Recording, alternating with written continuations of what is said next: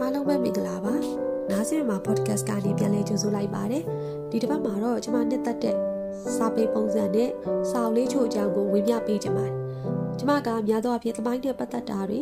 အထုပ်ပတိတွေနာမည်ကြီးဆရာစာရေးဆရာတွေရဲ့ခဏဝင်ဝတ္ထုတွေကိုဆက်တွေးခြင်းလားအတွေးနဲ့ဖြန့်လို့ရတဲ့အတွေးများများပေးတဲ့ဝတ္ထုတိုတွေကိုသဘောကျလေးရှိပါတယ် အဲငယ်စဉ်ကတော့ motivation ပေးတဲ့စာအုပ်မျိုးတွေအခြေချောင်းပေါ်ကျူးထားတဲ့ဝတ္ထုတွေလည်းဖတ်လို့ရှိတယ်ဒါပေမဲ့အသက်ကြီးလာလို့အချိန်မရတော့လို့ထင်တယ်အခုတော့အဲ့ဒါတွေမဖတ်ဖြစ်တော့အဲစာဖတ်ဝါသနာပါတဲ့သူတော်တော်များများရဲ့ထုံးစံအတိုင်းပေါ့နော်ကျွန်မလည်းစာအုပ်ကိုလက်ကကင်ပြီးဖတ်ရတာကို ebook ဖတ်ရတာထပ်ပိုသဘောကျတယ်ဒါပေမဲ့စာအုပ်တွေကလည်းဈေးကြီးတော့စာအုပ်တိုင်းကိုဝယ်ဖို့ရမလွယ်ဘူးလေ နောက်ပြီးအချို့စာအုပ်တွေကိုじゃတစ်ခါဖတ်ရုံပဲသဘောကျတယ်စာအုပ်ဝယ်စုပြီးတိတ်ထားခြင်းစိတ်မရှိဘူးပေါ့နော်အဲ့တော့များသောအားဖြင့်ကျွန်မကအဲ့လိုစာအုပ်မျိုးတွေဆိုရင်တော့ online ကနေပဲရှာဖတ်လိုက်တယ်ဝယ်ဖတ်လိုက်တယ်ပေါ့နော်အဲကျွန်မဝယ်သိမ်းပြီးဖတ်ဖြစ်တဲ့စာအုပ်မျိုးတွေအများစုကတော့တမိုင်းအကြောင်းအရာတို့ဝတ္ထုတို့ပေါင်းချုပ်တို့စသဖြင့်စာအုပ်ထူထူတွေများတယ်။ဘာဖြစ်လို့လဲဆိုစာအုပ်ထူကြီးတွေက ebook အနေနဲ့ဆိုဖတ်ရတာအရသာမရှိဘူးလို့ထင်မိတယ်။တိတ်လည်းမမှတ်မိသလိုဖတ်ရင်းနဲ့စာမျက်နှာတွေများလာတော့ဟိုဖတ်လို့အဆင်မပြေတော့ဘူး။ ဥပမာအားဖြင့်ဆိုရင်ဆရာရွှေဦးတောင်ရဲ့တသက်တာမှတ်တမ်းနဲ့အတွေးခေါ်များစာအုပ်နဲ့ဆ iam ခင်နေယူတို့ရဲ့ဝတ္ထုတို့ပေါင်းချုပ်စာအုပ်လိုမျိုးအထုတွေဆိုရင်လက်နဲ့စာအုပ်ကိုကင်ဖတ်ရမှအရသာရှိတယ်ပေါ့နော်အရင်ခေတ်ကနာမည်ကြီးစာရေးဆရာတွေရဲ့ဝတ္ထုတို့ပေါင်းချုပ်တွေကိုဖတ်ရတာကတော့ကျွန်မဝါသနာလို့ပြောရမယ် သူတို့တွေရဲ့ဝတ္ထုတို့တစ်ခုချင်းစီမှာအဲ့ဒီခေတ်ရဲ့အငွေအသက်ပါတယ်လို့ဝတ္ထုရှင်လို့မဟုတ်ဘဲယတပေါင်းစုံကိုစူးစီးဖတ်ရတယ်လို့ဖြစ်တာကြောင့်ကျွန်မကဝတ္ထုတို့ပေါင်းချုပ်တွေဆိုရင်အရင်သဘောကျတယ်ဝတ္ထုရှင်တွေလို့မပြီးမချင်းထိုင်ဖတ်ချင်နေတာမျိုးမရှိပဲနဲ့ဒါတပုတ်ဖတ်လိုက်တမျိုးတွေးလိုက်ဖြစ်နေရတာကိုလည်းတမျိုးသဘောကျမိတယ်ပေါ့ဝတ္ထုတို့မှမဟုတ်ပါဘူးဆရာကြီးတင်မိုးရဲ့ကြပြပေါင်းချုပ်လို့စာအုပ်တွေဆိုလဲစုလေးရှိရဲ့ ပြောရင်းနဲ့ကျမအကြောင်းတွေများသွားပြီအဲအခုဆက်ပြီးတော့ကျမဒီနှစ်2021မှာဝယ်ဝယ်ဖြစ်လိုက်တဲ့မြန်မာစာအုပ်ကိုအကြောင်းပေါ့နော်မိတ်ဆက်ပေးချင်ပါတယ်တကယ်တော့အဲအဲ့တဲ့ကချိုးစာအုပ်တွေကထွက်တာကြားလာပါပြီကျမလည်းအရင်ကသူများစီကငါဖတ်တာမျိုး online ဖတ်တာအကြောင်းဖတ်မှုပြီးသားလည်းပါပါတယ်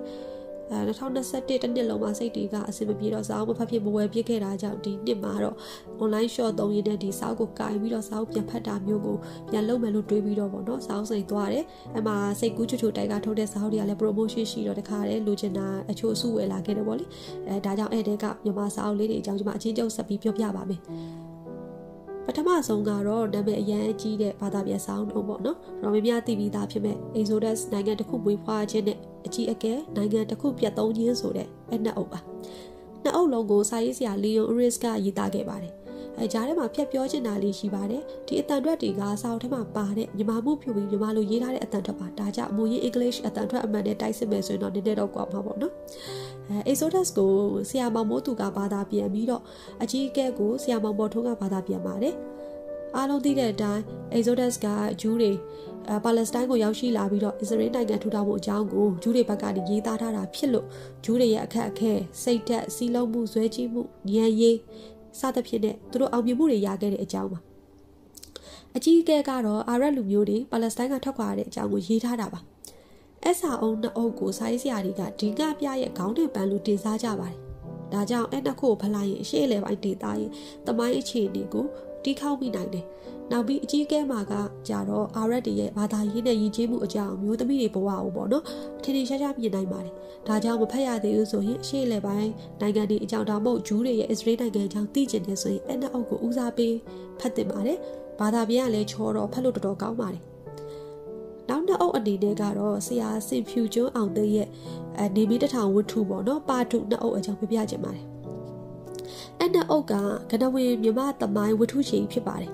ဗဒေတရမင်္ဂဆက်ပြီးတော့ကျွန်းခေဖတ်စစ်ခေလွတ်လပ်ရေးခေပြည်တွင်းစစ်ခေမြမဆိုရှယ်လစ်လမ်းစစ်ပါတီခေတို့ကိုဖျက်ဆီးပြီးဒါရေးဖွဲ့ထားတယ်ပေါ့နော်အဲ့တော့အဲ့ဒီပါတူနှစ်အုပ်ပေါင်းတွဲမှာ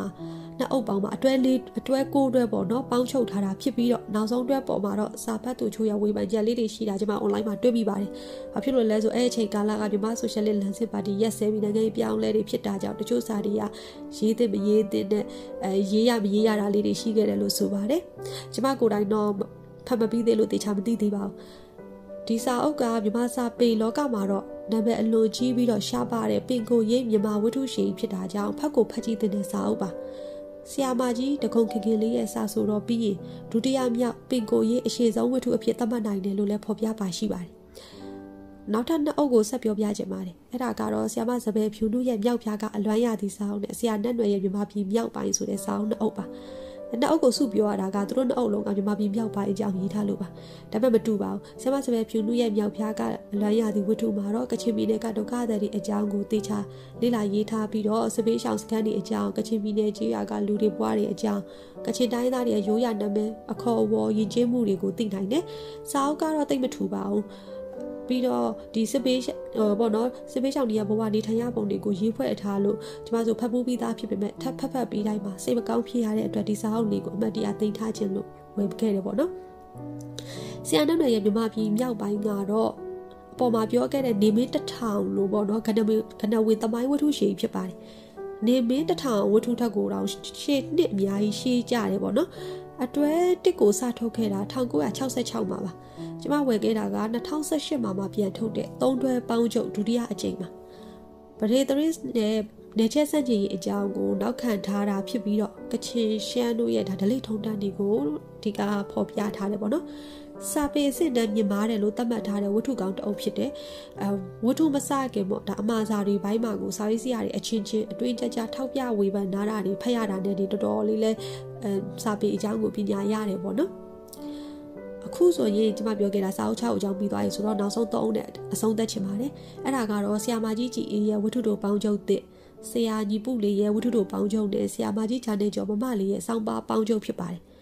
ထက်မှာပြောခဲ့သလိုပဲပေါ့နော်ဝတ္ထုတို့ပေါင်းချုပ်တွေဖတ်ရစုရတာတော့ကျွန်မဝါသနာဖြစ်တယ်ဝတ္ထုတို့ပေါင်းချုပ်တွေသဘောရဒါယတပေါင်းစုံကိုခွဲခွဲပြီးခံစားရတာကိုခုနကပြောခဲ့တဲ့ကတဝင်ဝတ္ထုရှည်ကြီးဖတ်ရတာနဲ့ဒန်းတူပဲကျွန်မသဘောကျတယ်နောက်တစ်ချက်ကတပုတ်ချင်းဖတ်ဖို့ဆိုလို့ရှိရင်သူကအချိန်သိမ့်မယူတော့တဲ့အတွက်အလုပ်တွေမအားဘူးဆိုရင်တော့ဒီဝတ္ထုတို့တွေကတော့ပုံမှန်ဖတ်ဖြစ်တယ်ပေါ့နော် ဒါကြောင့်မို့လို့အရင်ခေတ်ကနာမည်ကြီးစာရေးစာဆရာပေါ့နော်တယောက်ချင်းစီရဲ့လက်ရာတွေကိုစွတ်စွတ်စီစီပေါင်းချုပ်ထားတဲ့ဒါဝတ္ထုတို့ပေါင်းချုပ်မျိုးတွေဆိုရင်နောက်ပိုင်းမှာပိုဝယ်ဖြစ်လာတယ်ဟုတ်ကဲ့ပါအခုပြောခဲ့တာဒီကတော့ကျွန်မသဘောကျတဲ့စာပေတွေနဲ့လက်တလုံးမှာဝယ်ထားတဲ့စာအုပ်လေးအကြောင်းဖြစ်ပါတယ် အဲနားဆင်မှာ podcast ကိုနားထောင်နေတဲ့သူတွေတဲမှာလည်းစာဖတ်ဝါသနာပါတဲ့သူတွေရှိရင်ကျွန်မနဲ့အတွေ့အကြုံတူညီတာ၊ကွဲပြားတာတွေရှိခဲ့ရင်လည်း comment မှာပြောပြပေးသွားပါအောင်လို့ဖိတ်ခေါ်ချင်ပါတယ်အခုလိုနားဆင်ပေးတဲ့အတွက်လည်းကျေးဇူးအများကြီးတင်ပါတယ်အားလုံးပဲဘေးကင်းကြပါကြပါစေ